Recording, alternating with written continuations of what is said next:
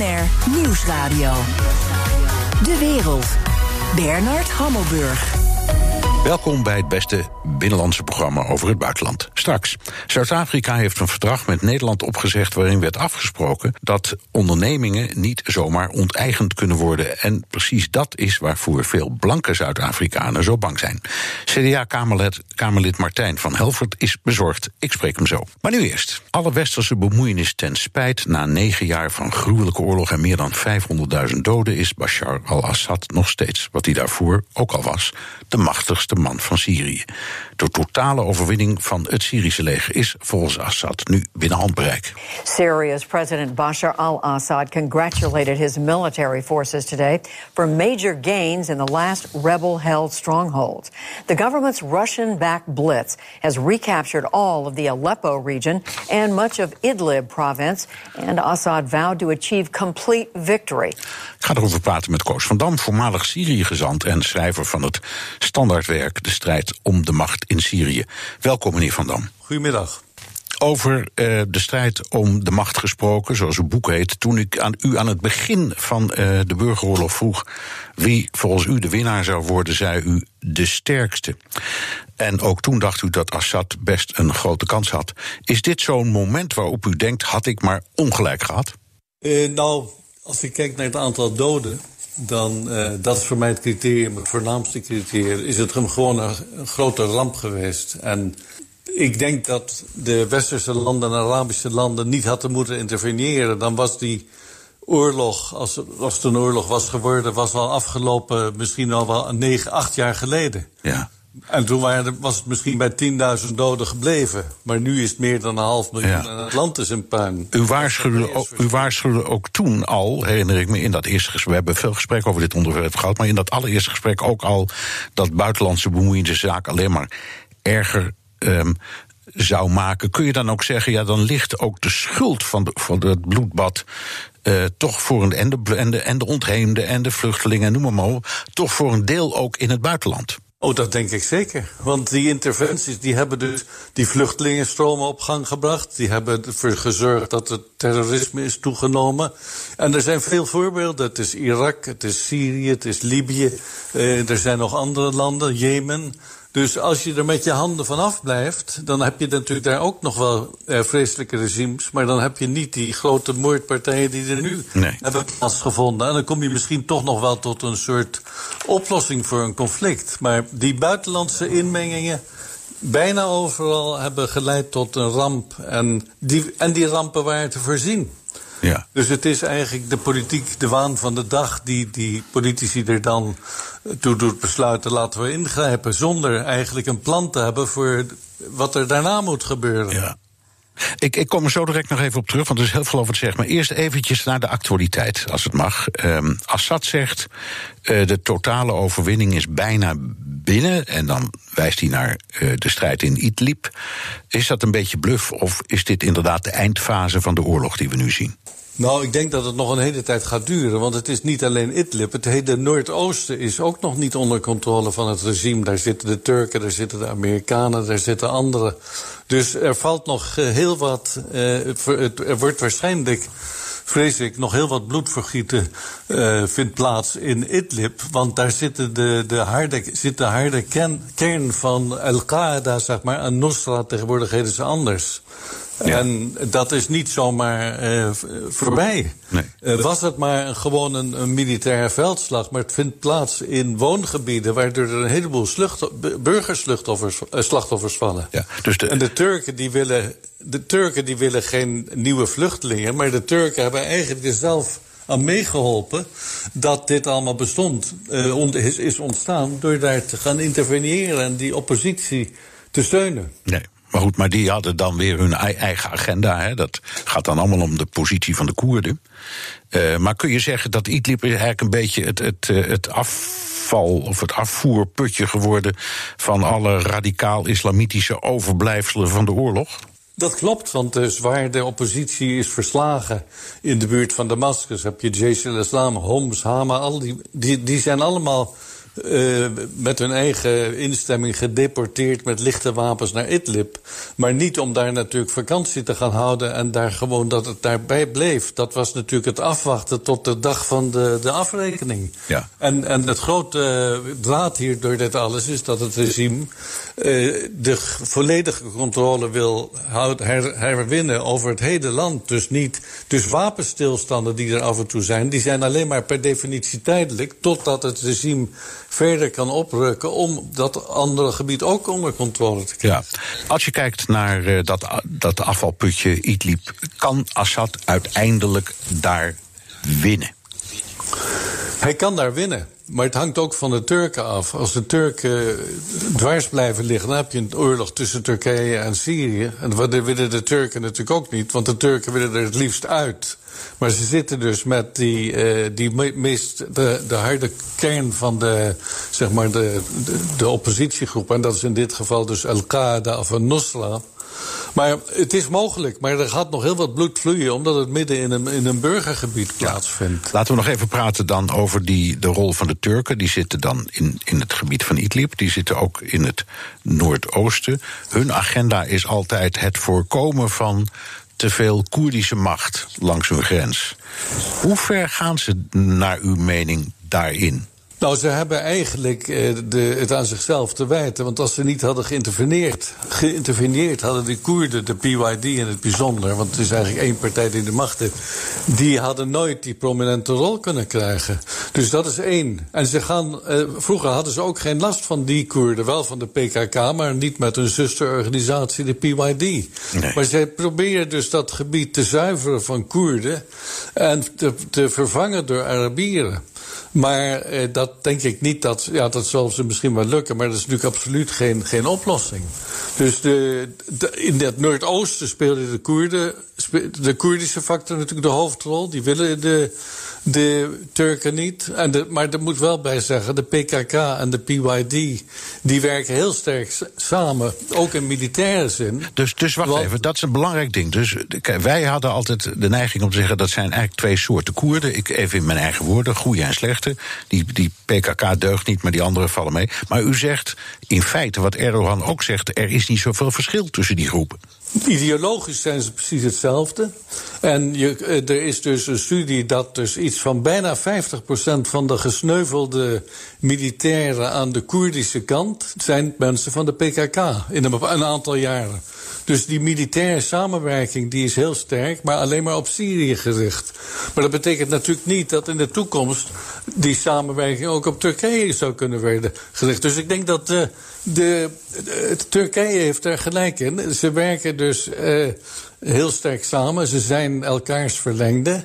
Uh, de ene PKK wordt beschouwd als een terroristische organisatie en de andere die worden eigenlijk, als ik het kijk in het Nederlands parlement, als lieve jongens beschouwd. Precies, dat was ook maar, de vraag. En u zegt dat is een onjuist beeld. Dat is volstrekt onjuist, want je moet dus ook nog bedenken. Ze, zijn, ze hebben de naam democratisch en ze willen met iedereen samenwerken, maar alleen als die anderen precies doen wat zij zeggen. Want er zijn ongeveer 15 andere Koerdische partijen en die zijn allemaal sterk gekant tegen die PYD. Dus het is een, een sterk autoritaire organisatie die alleen een hele goede public relations heeft. Ja. En, en, en, en, en hoe verklaart u dan, want als we dan praten over, over het gaat niet om partijpolitiek hoor, maar bijvoorbeeld vanuit de kant van de ChristenUnie, maar ook wel van anderen, is altijd enorme zijn, nou ja, soort liefdesverklaringen aan die groep geweest. En ook enorme pleidooien om ze op alle mogelijke manieren te helpen. En zegt u nu dat, was een, dat is of was een, naïef, naïeve blik op de, op de situatie? Ik denk dat dat een naïeve blik is, ook een onjuiste blik. Maar ik denk dat het is een fenomeen. Er bestaat een grote voorliefde voor minderheden, maar wel niet-Arabische minderheden. Want als het over bijvoorbeeld de Palestijnen in de bezette gebieden gaat, dan hebben de Christenpartij absoluut daar geen enkele sympathie mee. Maar wel dus met, en ook wel terecht hoor, met Yazidis, Koerden.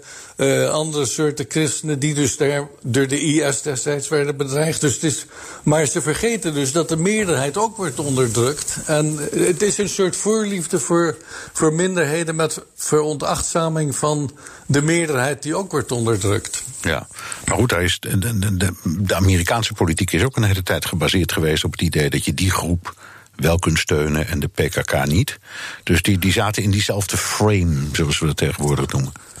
Ja, maar dat was meer puur uh, bij de Amerikanen. Die hebben toch een ander soort ele element wat in Nederland nauwelijks uh, bestaat. Dat is namelijk de machtspolitiek. Wij, hebben, wij kunnen wel anderen steunen, maar we hebben zelf niet de machtsmiddelen. Dus bij de Amerikanen en onszelf trouwens ook was het duidelijk gericht tegen IS, tegen de Islamitische Staat. Ja. Niet, uh, en, maar ja, de Koerden, de Koerden, ik moet zeggen de PYD, dat was een belangrijke bondgenoot. En die hebben hele goede diensten verleend bij de strijd tegen IS. Dat ja. was zeg maar de, de, de goede, nou, ik noem het liefdesverhouding tussen aanhalingstekens. Ja, zolang ik, het ik, ik begrijp, maar het betekent dus in feite dat, om, omdat wij die dingen uit elkaar haalden, de strijd tegen IS aan de ene kant en de burgeroorlog in Syrië.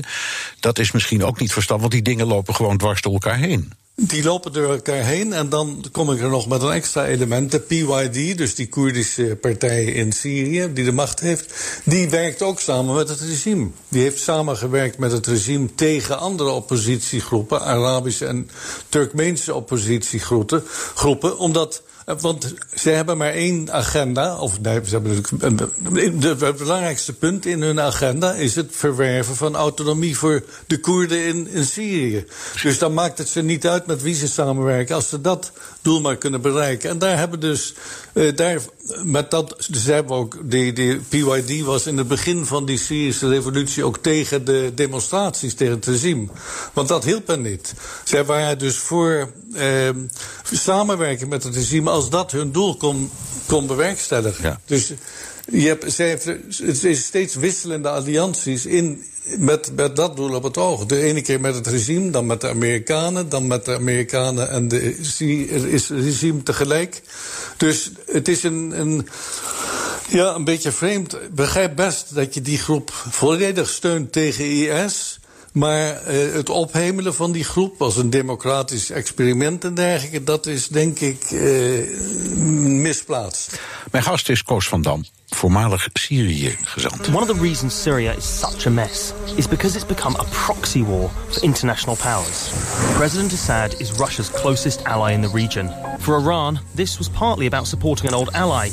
But more than that, it was about countering the influence of their regional rival Saudi Arabia The US worked with, trained and armed a group called the Syrian Democratic Forces. Het buitenland heeft zich op grote schaal met de oorlog bemoeid. Straks uh, gaan we even praten over onze eigen rol, dus de westerse rol.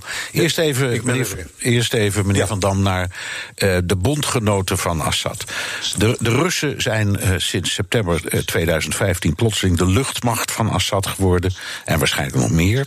Had hij het ooit zonder die Russische steun kunnen redden? Of had hij kunnen winnen zonder hen? Nee, dat denk ik niet. Dat denk ik niet. En eigenlijk is dus die Russische binnenkomst met de luchtmacht is een gevolg geweest van dat die bijna ten val was gebracht. Althans, zijn regime ging wankelen. Dus waar die Russen niet te, hulp geschoten, dan was het uh, denk ik slecht met hem afgelopen. En, en hun belang was uh, het hebben van een machtspositie in Syrië en die bekende marinehaven. Wat dus, dus zij hadden een eigen belang om te zeggen: nee, dat moet niet gebeuren.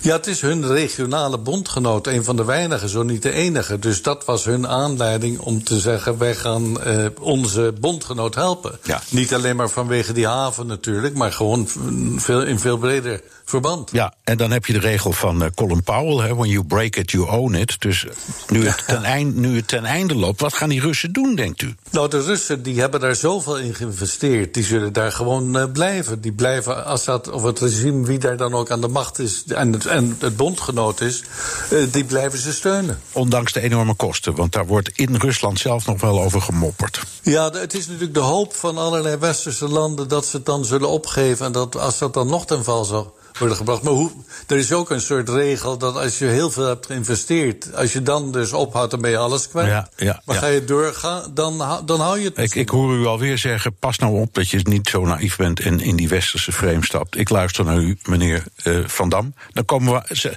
zelf te laken en pak. Iran, dat heeft zich daar, dat had al een positie, maar dat heeft zich door deze hele uh, situatie als het ware ingegraven, inclusief de Republikeinse gardes. Die gaan natuurlijk ook nooit meer weg. Nou, nooit. Uh, ik heb altijd geleerd, je moet nooit nooit zeggen. Oh, ja. Want ze, ze, hebben natuurlijk dat conflict met Israël. Maar die, die hebben zich heel diep ingegraven. Op een andere manier dan Rusland.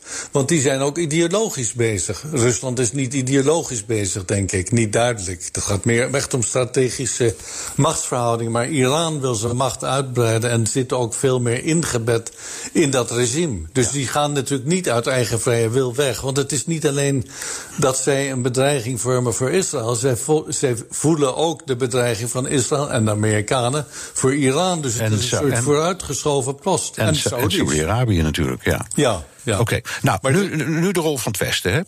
Wij hebben ons, het hele Westen, zich massaal met die oorlog bemoeid. Uh, ik kom weer even terug waar we het eerder over hadden. U zei dat hadden we eigenlijk beter niet kunnen doen. Um, hoe groot denkt u dat de schade is doordat we dat wel hebben gedaan?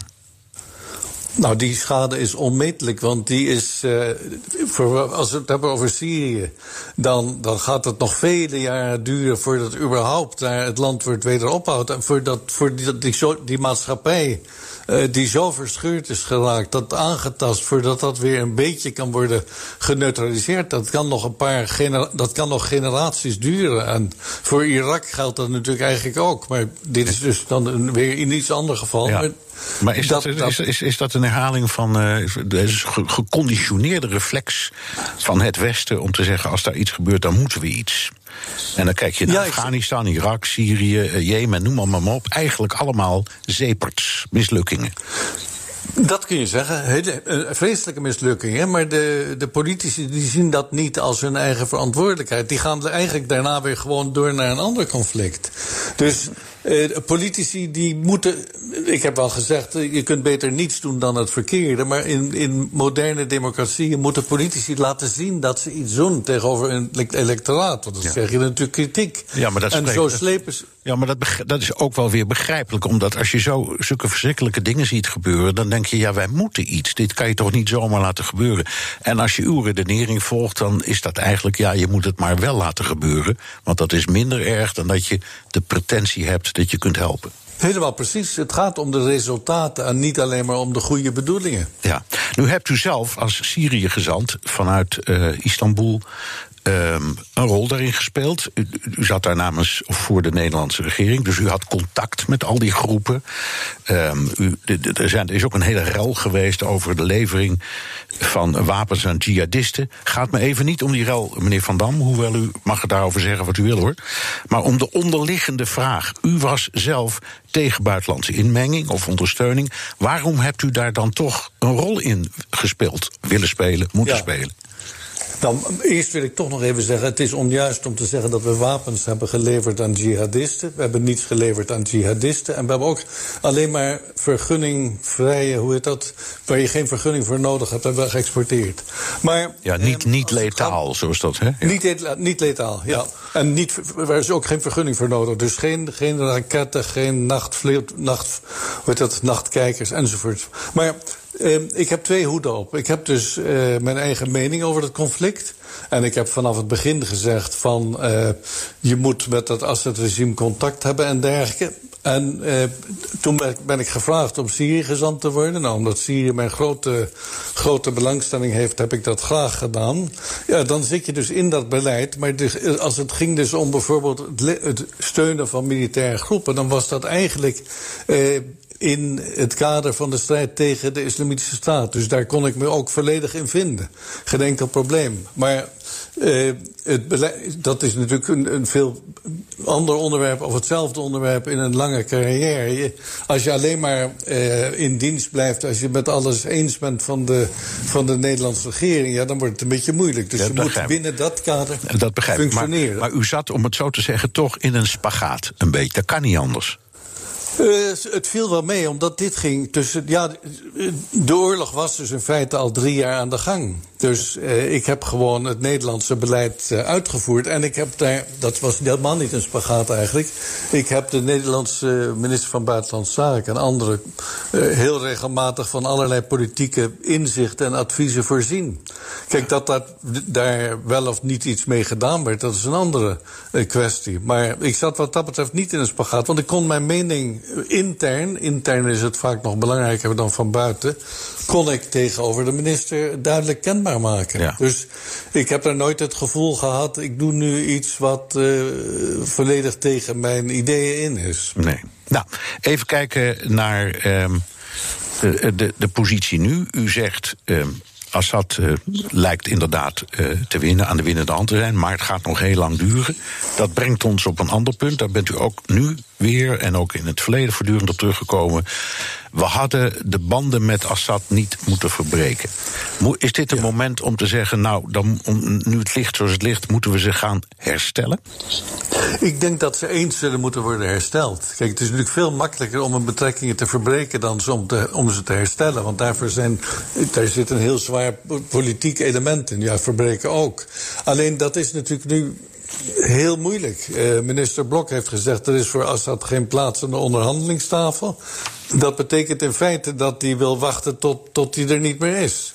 Nou, dat kan dus nog heel lang duren. Ja. Maar je moet dus ook nog bekijken... hoe zal het, hoe zal het Syrische regime regeren, uh, reageren op landen die de betrekkingen willen herstellen. Het regime zal naar mijn inschatting zeggen van... jullie moeten eerst toegeven dat je verkeerd hebt... Uh, jullie willen nu met mij betrekkingen... maar jullie hebben al die tijd naar mijn val gestreefd. Dus nu moeten jullie toch wel op een of andere manier duidelijk toegeven... kenbaar maken dat jullie fout zijn. Ja, dat moet, dat, dat, natuurlijk... dat moet op zijn minst uit ons jargon, zullen ze eisen, neem ik aan. Ja, ja. Ja, dus dat zal heel moeilijk zijn. Dus in de praktijk zal het nog heel lang duren, vrees ik. Uh, maar het zou beter zijn om daar in die richting stappen te nemen. Maar uh, onze minister van Buitenlandse Zaken die voelt er helemaal niets in. Hij zegt dus, Assad heeft een failliete boedel. En dat is ook zo. Alleen, ja, uh, als je praktisch redeneert, dan kun je beter wel betrekking hebben dan niet. Ja, en dan uh, in faillissementen kun je altijd nog met de curator praten, zal ik maar zeggen. ja, ja uh, van wel. Oké, nou de, de, even één slotvraag. De, uw, uw, stelling is altijd geweest: beter niet ingrijpen. Je kunt dan al die andere conflicten inzien zien dat we dat eigenlijk ook niet handig hebben gedaan. Als je dat consequent doorvoert en zegt: oké, dat doen we dan dus niet meer. Dan lopen, om het zomaar te zeggen, toch de Russen en de Chinezen ongeveer met alles weg, dan, dan speel je jezelf toch ook van de kaart als Westen. Nou, niet helemaal, omdat je dus in feite wat we hebben gedaan is we hebben de Russen een kans gegeven om sterker daar te worden dan het eerst het geval was. Dus eh, je moet pas proberen in te grijpen als je zelf bedreigd wordt. Maar wij werden helemaal niet bedreigd. Niet door Saddam Hussein, niet door Assad. De Jemenieten werden, die hebben ons ook niet bedreigd. Dat is even ver. Hoe heet dat? Uh, Gaddafi, die heeft ons niet bedreigd. Maar je kunt er beter met. Als je, als je dus op die manier gaat uh, redeneren van we geven anderen een kans. Ja, die geef je die andere kans eigenlijk door in te grijpen. En als je ze niet ingrijpt, dan hadden die Russen daar nu niet zo sterk gezeten. Nee. Dus uh, je kunt een heleboel laten gaan. Uh, als je dus beredeneert dat als je wel gaat ingrijpen, dat dat dat land heel veel kost en je eigen land ook nog veel kost. Want dat is wat vaak ook nog niet eens wordt gerealiseerd. Dat, dat wij hebben last, wij, dus westerse landen, Arabische landen, Turkije, hebben last van hun eigen interventies elders. Dat is ook allemaal waar. Goed, nou, het blijft een hele ingewikkelde puzzel. En ik ben dankbaar dat u ons weer een beetje door die puzzel heen hebt geleid. Dank, Koos van Dam, voormalig Syrië-gezant. Graag gedaan. Nieuwsradio. De wereld. Bernard Hammelburg. De Europese regeringsleiders en staatshoofden zitten opgesloten in een vergaderzaaltje in Brussel. En niemand weet wanneer ze er weer uit gaan komen. De vrijwillige gijzeling is een poging om tot een Europese begroting te komen. Niet opgesloten, maar wel in de buurt van het zaaltje is Europa-verslaggever Jesse Pinster. Jesse, kun je me uitleggen waarom ik interesse zou moeten hebben voor dit circus? Nou, je moet in ieder geval niet gaan kijken naar de hele tijd die, die twee, drie cijfers achter de komma waar ze dan nog uh, over aan het onderhandelen zijn. Maar wat deze onderhandelingen altijd zo fascinerend en interessant maken, is dat het eigenlijk precies blootlegt wat er allemaal speelt in de uh, Europese Unie. Wie welke belangen heeft, hoe die tegen elkaar ingaan. Het is, het is werkelijk alsof er een soort vergrootglas over de, de Unie wordt neergelegd. Weet je, natuurlijk, we kunnen het hebben over het, het, het geld. De, wat eigenlijk, als je daarover nadenkt, misschien niet eens zo heel veel is als je het uh, naast nationale begrotingen zet. Ik bedoel, het klinkt heftig, duizend pak een beetje duizend miljard. Maar ja, smeer het uit over zeven jaar, smeer het uit over 27 landen. En dan ziet het er toch wat anders uit. Dus weet je, ik kijk vooral naar nee, welke welke belangen spelen hier nou allemaal op de achtergrond? nou, dat maakt het fascinerend. Ja, wij wonen in, uh, in, in, een van die landen, Nederland. Mhm. En wat heb je bijvoorbeeld over dat land nou gehoord op deze top? Of naar aanleiding van deze top? Nou, wat, wat ik wel fascinerend vind, is wat al, al eigenlijk een paar maanden, sinds een beetje eind vorig jaar, november, december, speelt. Dat is, er is een Nederlander hier in Brussel. En dat is Gert-Jan Koopman. Die werkt voor de Europese Commissie. Is de hoogste ambtenaar op het departement die zich bezighoudt met de begroting. En deze man die weet werkelijk het bloed onder de nagels van iedereen in Den Haag te halen. En dan met name de ministeries waar ze zich bezighouden met de begroting. Dat komt omdat hij de hele tijd lijnrecht ingaat gaat tegen wat Nederland zegt. Weet je, Nederland wil zo min mogelijk uitgeven. En hij zegt waarom het zo ontzettend goed is om juist meer uit te geven. En dit is natuurlijk niet gebruikelijk dat een ambtenaar zich met zo'n politieke strijd daar echt mee bemoeit. Maar weet je, ik had een etentje met hem ergens in Den Haag. Dat was november, december, denk ik. Inmiddels zit hij in allemaal podcasts, in allemaal artikelen. En werkelijk iedere dag bemoeit hij zich daarmee. Ook vandaag weer. Met een klein grapje gooide hij een foto op, uh, op Twitter waarin hij zijn overhemden naast elkaar aan het leggen was... met de vraag hoeveel moet ik er mee gaan nemen? Met andere woorden, hoe lang gaan we onderhandelen hier?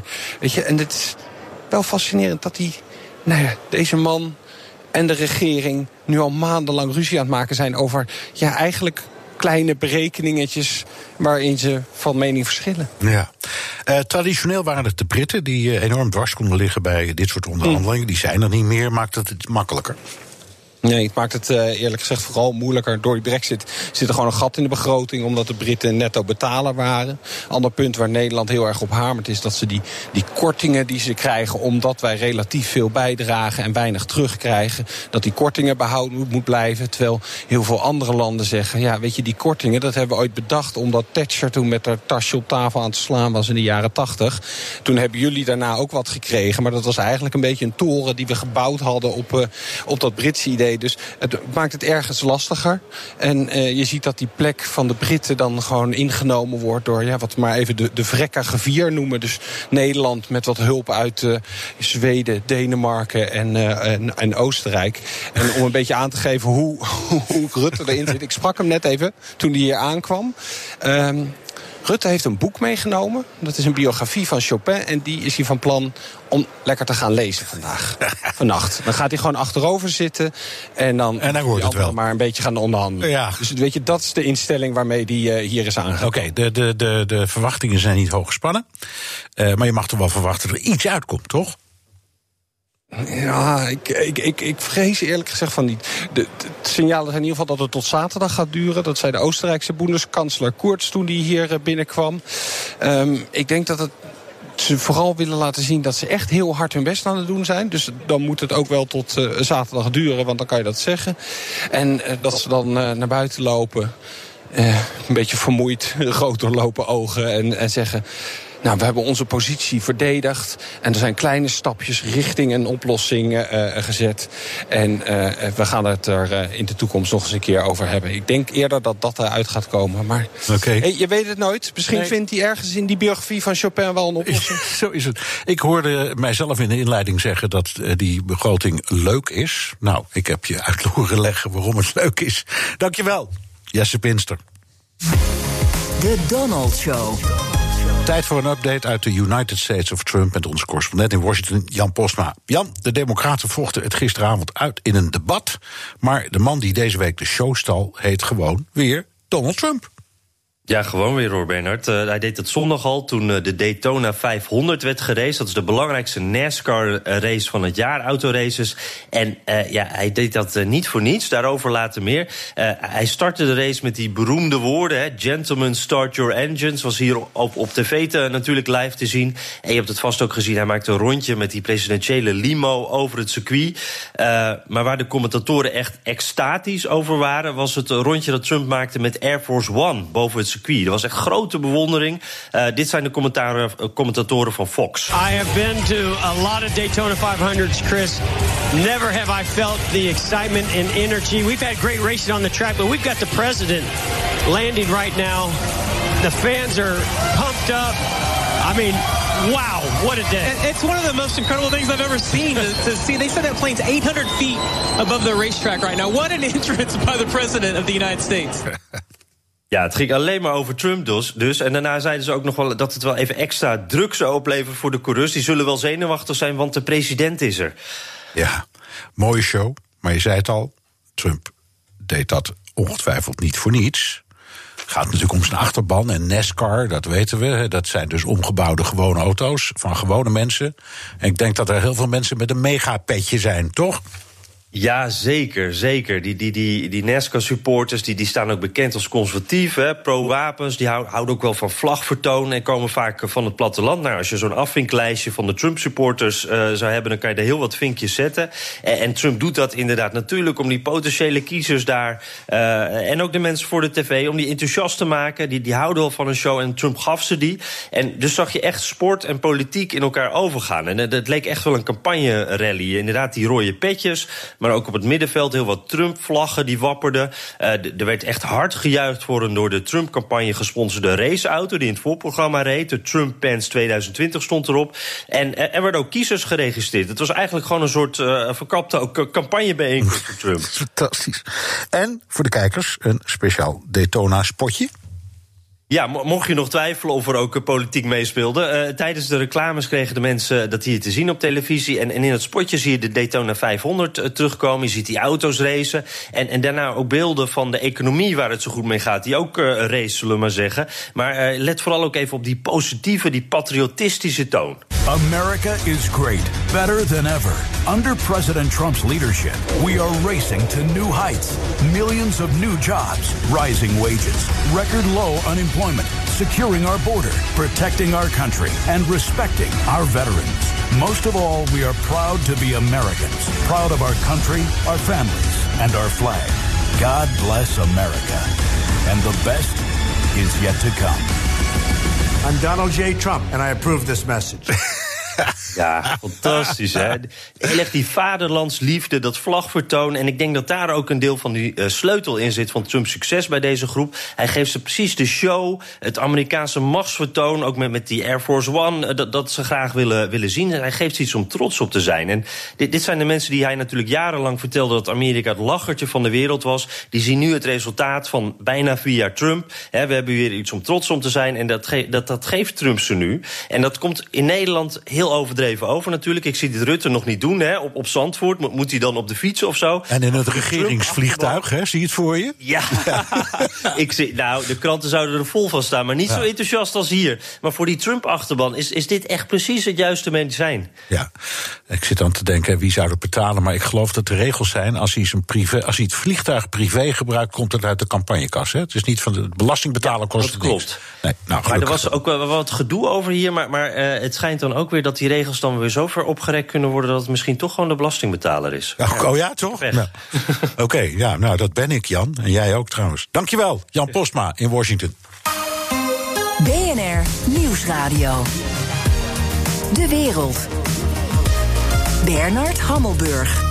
Zuid-Afrika heeft Nederland tegen de schenen geschopt door een investeringsverdrag op te zeggen, waarmee zou moeten worden voorkomen dat ondernemers daar zonder compensatie worden onteigend. En dat is precies waar de blanke minderheid in Zuid-Afrika doodsbang voor is. Johan is on the list of white farmers whose land is targeted for expropriation. The law that protects private property has been on his side so far, but for how long? The threat hasn't gone away. The authorities want to amend the constitution to remove the need to negotiate. Ik ga erover praten met Martijn van Helvert, buitenlandwoordvoerder voor het CDA in de Tweede Kamer. Dag meneer Van Helvert. Goedendag. Um, in dat handelsverdrag ging het om de bescherming van onze investeringen. Waarom zeggen de Zuid-Afrikanen het op? Ja, dat is eigenlijk wel een goede vraag. Want uh, op zich zouden ze heel blij moeten zijn met de, uh, de investeringen die vanuit Nederland komen. Nederland is uh, best een belangrijke partner voor Zuid-Afrika. En dat zij een verdrag als dit ja, niet meer willen, is heel bijzonder. Ze zeggen dat zij zelf kunnen zorgen met hun goede rechtssysteem voor een eerlijke afhandeling als er een geschil zou zijn of als bedrijven onteigend zouden worden. Ja, nou, en waarom is er reden om te twijfelen? Want ik kan me voorstellen dat ze zeggen: we zijn nu gewoon een volwassen land. Uh, en wij hebben niet meer ja, de bedilzucht van uh, een soort neo-koloniale bedilzucht vanuit Nederland nodig. om te kijken of wij wel de dingen uh, netjes afhandelen. Dat kunnen we echt wel zelf.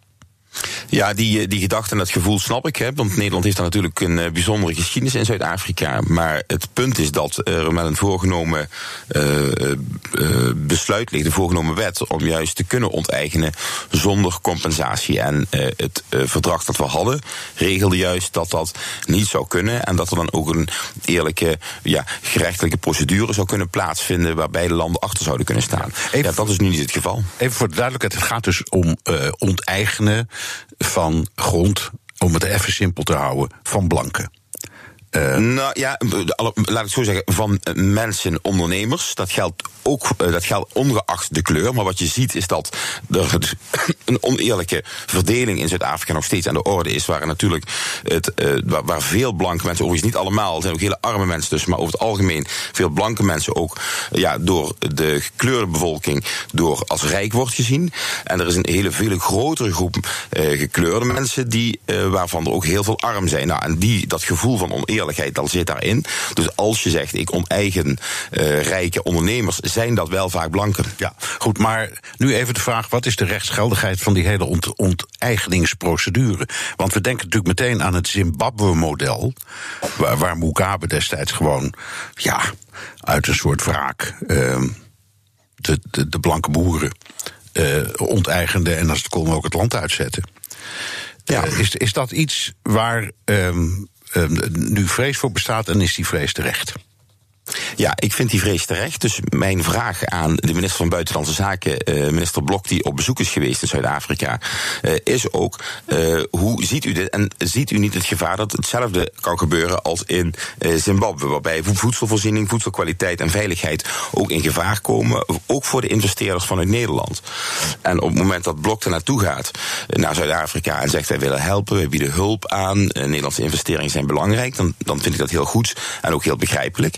Als daar niet de voorwaarde tegenover staat dat de investeringen van Nederlandse investeerders ook beschermd is, nou dan vind ik dat we ons eigen bedrijfsleven ook enigszins in gevaar brengen. Ja, en dat is juist wat ik niet wil. Nee, ik begrijp het. En, en um, er lopen dus twee dingen door elkaar, even voor de duidelijkheid. Dat is de veiligheid van Nederlandse investeringen aan de ene kant en aan de andere kant klaarblijkelijk um, de, de pogingen van uh, de Zuid-Afrikaanse regering om uh, land van voornamelijk blanken te onteigenen. Wat is daar de grondslag dan voor als het niet de wraak is over het verleden? Nou, het, wat de um, Zuid-Afrikaanse overheid wil doen, is eigenlijk het recht trekken van uh, de, een, een, balans in het land over de verdeling van middelen. En wat je ziet hè, vanuit het verleden, want Nederland dus ook niet altijd een charmante rol in heeft gespeeld, laten we dat ook voorop stellen, zie je dat uh, de blanke bevolking op veel plekken nog steeds uh, het rijkere gedeelte van de bevolking is. Er zijn natuurlijk uitzonderingen, er zijn ook hele arme blanken, maar over het algemeen zou je dat kunnen zeggen. de zwarte bevolking is achtergesteld, lager opgeleid, lager inkomen, heel veel arme, uh, gekleurde mensen. Nou, wat de overheid wil doen is, nadat het apartheid is verdwenen, laten we het proberen gelijk te trekken. Daar hebben ze een aantal wetten voor. Een daarvan is de zogenaamde BEE, e. de Black Eco uh, Economic Empowerment. Is dat je dus van bedrijven die een opdracht van de overheid zouden willen krijgen, dat de overheid kan eisen, wij willen dat er zoveel mensen, uh, zoveel zwarte mensen in het bestuur van dat bedrijf zitten. En zoveel zwarte mensen op de werkvloer en zoveel zwarte mensen in het middenmanagement. Nou, een andere mo mogelijke wet, die dus nou voor ligt, is om het onteigenen van, van grote rijke boeren, meestal dus blanken, om dat te herverdelen uh, onder de zwarte bevolking. Of eigenlijk in bezit te houden van de overheid en dat te leasen aan uh, anderen. En dat zijn in de meeste gevallen de zwarte bevolking. Ja, goed, maar als je blank bent, dan denk je, ik, mijn land wordt gepikt. En dan kun je wel ja, absoluut. dan kun je zeggen, op, misschien ooit zijn ze er niet helemaal uh, volgens de juiste regels aangekomen. Ja. ja, als je daar nu woont, van de huidige nee, generatie, je bent net zo Zuid-Afrikaan als iedere ander.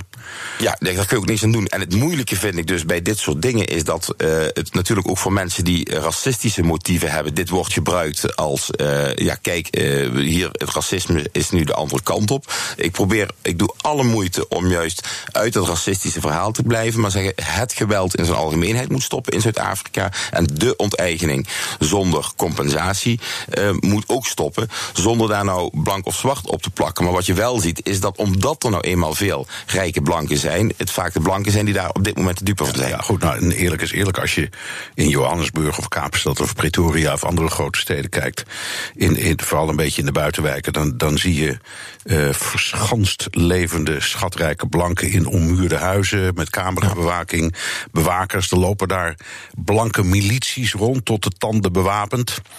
Um, ja. En, denk... en je ziet dus ook dat bijvoorbeeld in, in, die zin, en dat is ook wel een beetje het trieste van Zuid-Afrika uh, na Mandela nu, is dat eigenlijk het doel van Mandela om daar één maatschappij van te maken totaal uh, nog niet is gelukt. Omdat je ziet dat ze toch over het algemeen goede uitzonderingen daar gelaten hebben. Dus niet dat luisteraars boos bellen, ik weet een goede, goede uitzondering. Ik weet dat er goede uitzonderingen zijn, maar over het algemeen zie je dat ze behoorlijk naast elkaar leven. Ja. Um, het, allemaal waar. En, en, en ze hebben natuurlijk destijds het eh, met die waarheidscommissie geprobeerd uit te praten, waar we ze allemaal uh, schouderkloppen voor hebben gegeven. En niet wraakoefeningen te gaan doen. Maar dit lijkt toch wel heel erg op wraak, vindt u niet? Uh, ja, dat lijkt er heel erg op. En het is ook heel lastig in te schatten van Nederland of dat nou daadwerkelijk wraak is. Of dat er gewoon arme gekleurde mensen zijn die denken: hé, hey, daar heb je een rijke boer en die is blank en die gaan we overvallen. Ik, ik kan van hieruit niet zien, wordt die boer nou overvallen, mishandeld of gedood en wordt zijn, uh, zijn boerderij afgepakt en vernield omdat hij blank is of omdat hij rijk is, of allebei. Snap je? Dus dat is van hieruit heel lastig te zien. Het, en aan die zin zou ik haast zeggen: het maakt me ook niet uit. Wat ik wil is dat het stopt en dat de Zuid-Afrikaanse regering zorgt dat grote rijke boeren die die economie van Zuid-Afrika wel een enorme boost geven, van wat voor kleur dan ook, dat die wel worden. Dat hun land beschermd worden. En dat het daarmee ook de economie van Zuid-Afrika kan optrekken. Ja, Bart Luiring uh, schreef uh, een tijdje geleden in Volkskrant een, een column. En uh, daar, daar, daar zet hij de volgende dingen. Blanken zijn dan helemaal niet vaker het slachtoffer van zwarte landgenoten. Die grootscheepse herverdeling van land is helemaal niet aan het gebeuren. En de verbinding tussen landonteigening en geweld tegen boeren is niet juist. Het zijn zaken die los van elkaar staan. Hoe reageert u op die kritiek? Hij, kan, het hij kantelt tussen het beeld, hè, zou ik maar zeggen. Ja. Ik ben het er helemaal mee eens dat de meeste slachtoffers van het geweld in Zuid-Afrika... dat zijn zwarte mensen. Dat is absoluut waar. Er is heel veel geweld. De meeste mensen die wonen in Zuid-Afrika zijn zwart. Dus, uh, dus de meeste slachtoffers zijn ook zwart. Uh, kijk, en uh, dat is het, een beetje het punt. omdat je dus zegt van, goh, het is allemaal niet waar. Hè, die kleur of die kleur.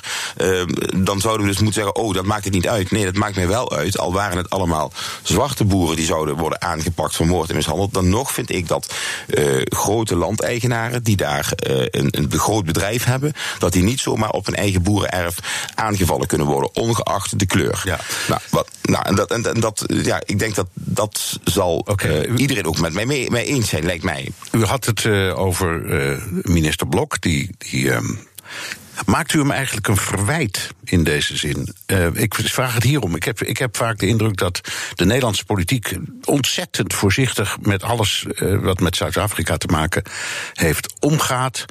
Uh, vanwege ons eigen verleden, vanwege nog sporen die de anti-apartheidsbeweging en Mandela-bewonderaars in onze zielen hebben achtergelaten, zal ik maar zeggen. En dat het dus heel moeilijk is om gewoon recht voor zijn raap te zeggen: jongens, de blanken worden daar uitgerookt. Ja, uh, ja dat, het, ik moet zeggen, ik, ik voel ook wel dat dat soms lastig is. Uh, en waarom? Omdat, en dat merk ik ook als ik dus daar vragen over stel. En als je dan ziet op de social media, word je door een bepaalde groep heel snel in de racistische hoek gezet. Ja, zie je ook. Zeggen, die, van Helft, die van Helft ja. neemt, het, neemt het op voor, uh, ja. voor, de, voor de oude blanke apartheid. Ja, nou, en dat vind ik wel dat vind ik heel erg, want dat, dat willen we juist niet. Maar wat ik wil is dat geweld stopt. En wat we zien is dat de economie van Zuid-Afrika steeds meer afglijdt. Het geweld neemt daar steeds meer toe. En eh, inderdaad, de grote blanke boeren die daar grote bedrijven hebben, die lijden daar wel onder. En niet alleen die families zelf, maar ook de economie van Zuid-Afrika leidt eronder. En daar gaat het mij om. En eh, ja, dat daar eh, nog steeds de kleur een grote rol speelt in Zuid-Afrika, ja, dat is zo. Hè. Dat kunnen we wel zeggen, dat, dat mag mag niet en het zal niet. Nee, dat, dat klopt. In de ideale wereld straks mag dat niet meer en maakt dat niets uit. Maar in Afrika, Zuid-Afrika leeft dat wel nog enorm. Zeker. En dat is niet alleen uh, met blanken, dat is ook uh, de Xhosa en Zulu. Ja. Die, die, die haten elkaar ook. is allemaal waar. Juist. Dus het, is allemaal, het, is, het is ook veel complexer dan, dan, dan, dan zwart-wit. We moeten dus niet zwart-wit denken. Nee. Dan in de figuurlijke zin bedoel ik dat nu. En, het, maar uh, het, het, erge is dat als je dus alles maar meteen in de hoek gooit. Oh, je noemt zwart en wit, dus je bent racistisch. Dan sluit je je ogen voor de problemen die daar zijn. Oké, okay, nou, zullen, dat wil ik niet doen. Meneer Van Helvoort, zullen we in afval in het belang van dit gesprek afspreken met elkaar dat wij geen racisten zijn in deze kwestie? Ja, nee, ja, en maar, ook in andere kwesties ja, niet, maar nee, deze hoor, zeker ook niet. Nee, ja, natuurlijk, ja, grap. Ja, ja, ja, nee, nee, absoluut. Nee, ik ben het met u eens. Nee, goed. Maar het erge is, u, u merkt al hoe ik dat doe, dat, dat ik dus nee, ik, constant de behoefte heb om dat wel zeg, te ben, zeggen. Ik ben geen racist, maar er is wel wat aan de hand. Dat is wat u zegt. En dat, ik vind eerlijk gezegd, uh, uh, dat, dat hoort zo. Nu even die economie. U zegt die economie gaat slecht, die leidt hieronder. Hoe komt het dat die zo slecht gaat? Want het is toch, misschien Nigeria is misschien de grootste uh, economie in, in Afrika. Maar Zuid-Afrika is en was altijd een hele grote. Wat is er aan de hand? Nou, omdat je dus ziet dat de geweldspiraal um, eigenlijk uh, omlaag gaat. In die zin dat het geweld enorm toeneemt. Dat de overheid daar niet in staat blijkt om dat op te pakken aan de ene kant. Aan de andere kant door die maatregelen als uh, onteigening voor te stellen. We zien je dat investeerders vanuit het buitenland als het ware wegvluchten van Zuid-Afrika. En dat is natuurlijk heel slecht voor die economie. Daarnaast hebben we nog de um, Based Black Economy, Economic Empowerment. Dus dat beleid dus dat je echt meer uh, zwarte mensen in je bedrijf moet hebben op verschillende niveaus. Dat is natuurlijk een hele goede maatregel in die zin dat je iets gelijk wil trekken. Maar op sommige plekken, als, je, als er bijvoorbeeld niet voldoende uh, geschoold zwart personeel is, dan is het voor een bedrijf heel lastig dat ze dus toch een zwart iemand aan moeten nemen die eigenlijk niet voldoet. Nee, maar je kunt dat omdraaien zeggen, na al die jaren is het ook hun plicht om te zorgen dat het opleidingsniveau van de meerderheid in de bevolking op peil is. Ja, zou, zou je zeggen. En, en er, er moet een reden zijn dat dat niet zo is. Maar hoe, hoe dan ook, u zegt, er is een rechtstreekse samenhang tussen, ik zal maar zeggen, toch een beetje dat uitrookgevoel van blanken en de slecht functionerende economie. Ja, dus dat voor investeerders zijn dat dus dat, dat geweld aan de ene, zijde, eh, ene kant en het, um, het onteigenen of de, de, de, de dreiging van onteigenen en uh, de Black Economic Empowerment kan een reden zijn dat investeerders zeggen: Nou, ik ga niet in Zuid-Afrika zitten, maar ik kies wel een ander land. Ja. Uh, en dat zie je wel gebeuren. Uh, en dat vind ik heel erg, want Zuid-Afrika is, was een hele sterke economie. Waar het hele Afrikaanse continent, zeker bezuiden de Sahara, zich aan op kon trekken. Dus een beetje een leidende functie. Dus het hele continent leidt daar eigenlijk onder. Even heel kort nog. Wat is het wat u wilt van, wat wilt u van de minister van Buitenlandse Zaken of het Nederlandse kabinet eigenlijk horen? Nou, ik wil horen van u bent daar geweest, uh, minister Blok. U bent daar in uw persbericht zeggen, ik heb een ambitieuze agenda. Dat vind ik heel goed. Ik zou zeggen, stel, stel je voor, het zou niet zo zijn. Je zou met een slappe agenda naar Zuid-Afrika gaan. Maar goed, een ambitieuze agenda. Maar wat heeft u daar nou precies afgesproken? U heeft gezegd, we willen helpen. Nederlandse bedrijven moeten investeren. Maar onder welke voorwaarden hebben we wel de voorwaarden gesteld dat de eigendom van de Nederlandse bedrijven beschermd blijft? Dat aan de ene kant. En daarnaast heb ik nog een aantal andere vragen gesteld. Bijvoorbeeld over het, het Afrikaans als taal. Hè. De Nederlandse taalunie maakt ook sterk voor. Hoe staat het daar nou mee? Kunnen we daar dingen doen? Hebben we daar ook over dingen over afgesproken? Uh, hoe zit het met het geweld? Wat hebben we daarover afgesproken? Nou, uh, dat wil ik eigenlijk weten. Buiten alleen het persbericht van ik ben in Zuid-Afrika geweest met een ambitieuze agenda. Oké. Okay. Martijn van Helvert wacht op antwoord, zullen we maar zeggen. Heel hartelijk dank, buitenlandvoorzitter van het CDA in de Tweede Kamer. En tot zover BNR De Wereld. Terugluisteren kan via de site, de app, iTunes of Spotify. Reageren kan via het mailtje naar dewereld.bnr.nl. Tot volgende week.